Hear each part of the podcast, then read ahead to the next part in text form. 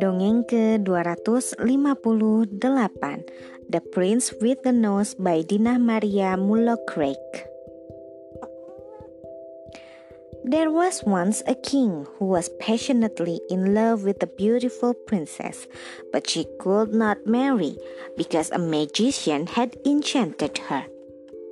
The king went to a good fairy to inquire what he should do said the fairy after receiving him graciously.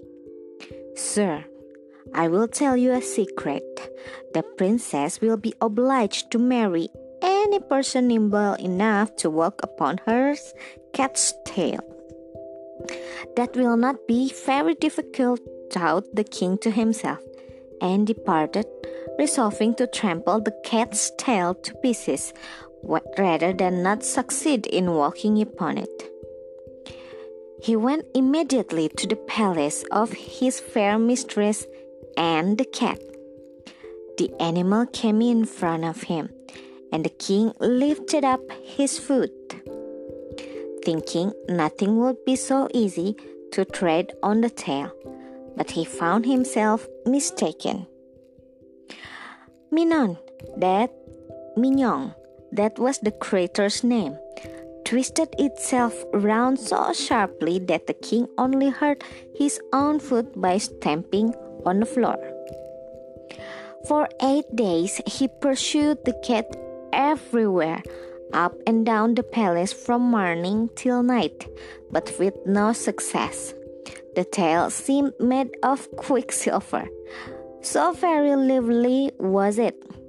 At last, the king had the good fortune to catch Mignon sleeping, and tramp, tramp, he trod on the tail with all his force. Mignon woke up and immediately changed from a cat into a large, fierce looking man who regarded the king with flashing eyes. You have broken the enchantment in which I held the princess, but I will be revenged. You shall have a son with a nose as long as this. He made in the air a curve of a half a foot. Yet he shall believe it is just like all other noses, and shall be always unfortunate till he has found out it is not. And if you tell and if you ever tell anybody of this trait, you shall die on the spot. So saying, the magician disappeared. The king, who was at first terrified, soon began to laugh at this adventure. My son might have a worse misfortune than too long a nose, thought he. I will find the princess and marry her at once. He did so, but he only lived a few months later and died before his little son was born, so that nobody knew anything about the secret of the nose.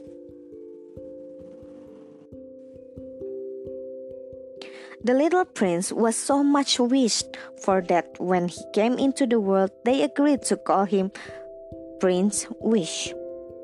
He had beautiful blue eyes and a sweet little mouth, but his nose was so big that it covered half his face. The queen's ladies tried to satisfy her by telling her that the nose would grow smaller as the prince grew bigger, and that if it did not, a large nose was indispensable to a hero. The queen listened eagerly to his comfort. He grew so used to the prince's nose that it did not seem to her any larger than ordinary noses of the court, where, in process of time, everybody with a long nose was very much admired, and the unfortunate people who had only snubs were taking little noses notice of. Great care was observed in the education of the prince, and so soon as he could speak, they told him all sorts of amusing tales, in which all the bad people had short noses and all good people had long ones. His tutor taught him history, and whenever any great king was referred to, the tutor always took care to mention that the He had a long nose. The royal apartments were filled with pictures and portraits having this peculiarity, and Prince Wish began to regard the length of his nose as his greatest perfection. When he was 20 years, his mother and his people wished him to marry. They procured for him the portraits of many princesses, but the one he preferred was Princess Darling, daughter of a powerful monarch and heiress to several kingdoms. Alas, with all her beauty, this princess had one great misfortune a little turned up nose, which everyone else said made her only the more bewitching. But here, in the kingdom of Prince Wish, the courtiers were thrown by it into the utmost perplexity. They were in the habit of laughing at all small noses, but how dared they make fun of the nose of Princess Darling? They would have found themselves in a constant difficulties had no one clever person struck upon a bright idea. He said that enough it was necessary for a man to have a long nose, women were very different creatures, and that a learned man had discovered in an old manuscript that the celebrated Cleopatra, Queen of Egypt, and the beauty of the ancient world also had a turn up nose.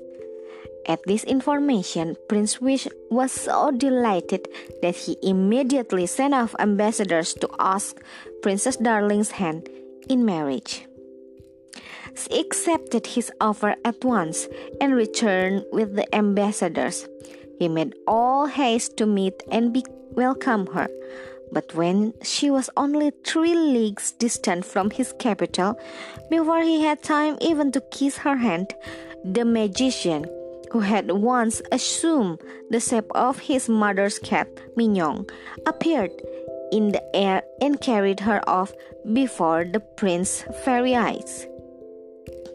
Prince was almost beside himself with grief declared that nothing should induce him to return to his throne and kingdom till he had found Princess Darling. He mounted a good horse, laid the reins on the animal's neck, and let him take him wherever he would. The horse entered the wide extended plain and trotted on steadily the whole day without finding a single house master and beast began almost to faint with hunger, and Prince Wish might have wished himself safe at home again. Had he not discovered just as night was falling a dark cavern, outside the cavern was a bright little lantern, and sitting in its light was a tiny woman. She looked as though she could easily have been more than a hundred years. She put on her spectacles the better to look at the strangers, and he noticed that her nose was so small that the spectacles would hardly stay on. Then the prince and the fairy, for it was a fairy, burst into a mutual fit of laughter. What a funny nose! cried the one. Not so funny as yours, madam, returned the other. But pray let us leave our noses alone, and be good enough to give me something to eat, for I am dying with hunger, and so is my poor horse. With all my heart, answered the fairy. Although your nose is ridiculously long, you are no less the son of one of my best friends. I love your father like a brother. He had a very handsome nose.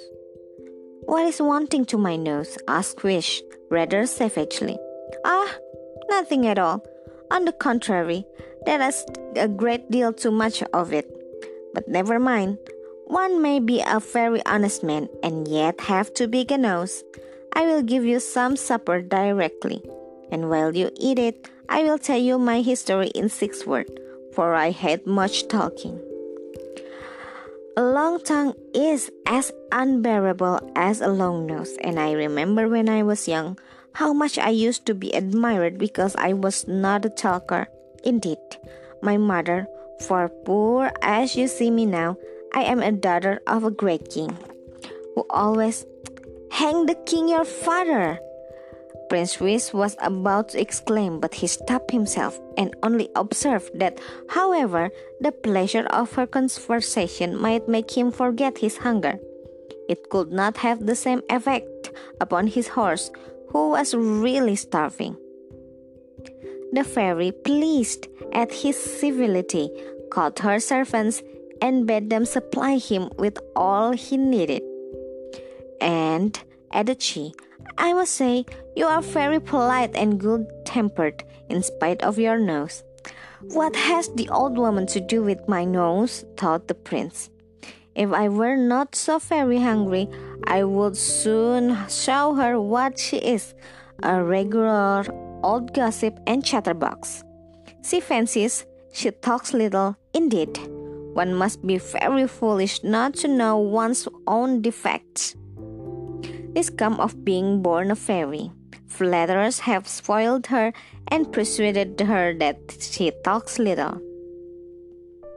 While the prince thus meditated, the servants were laying in the table. The fairy asked them a hundred unnecessary questions, simply for the pleasure of hearing herself talk.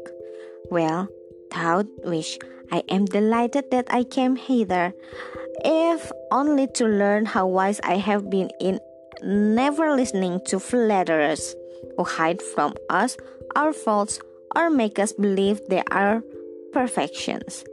But they could never deceive me. I know all my own weak points, I trust, and surely he believed he did. So he went on eating contentedly, nor stopped till the old fairy began to address him. Prince, said she, will you be kind enough to turn a little? Your nose casts such a shadow that I cannot see what is on your on my plate. And as I was saying, your father admired me and always made me welcome at court. What is the court etiquette there now? Do the ladies still go to assemblies, balls, promenades? I beg your pardon for laughing, but how very long your nose is. I wish you would cease to speak of my nose, said the prince, becoming annoyed. It is what it is, and I do not desire it any shorter. Oh, I see that I have vexed you, returned the fairy.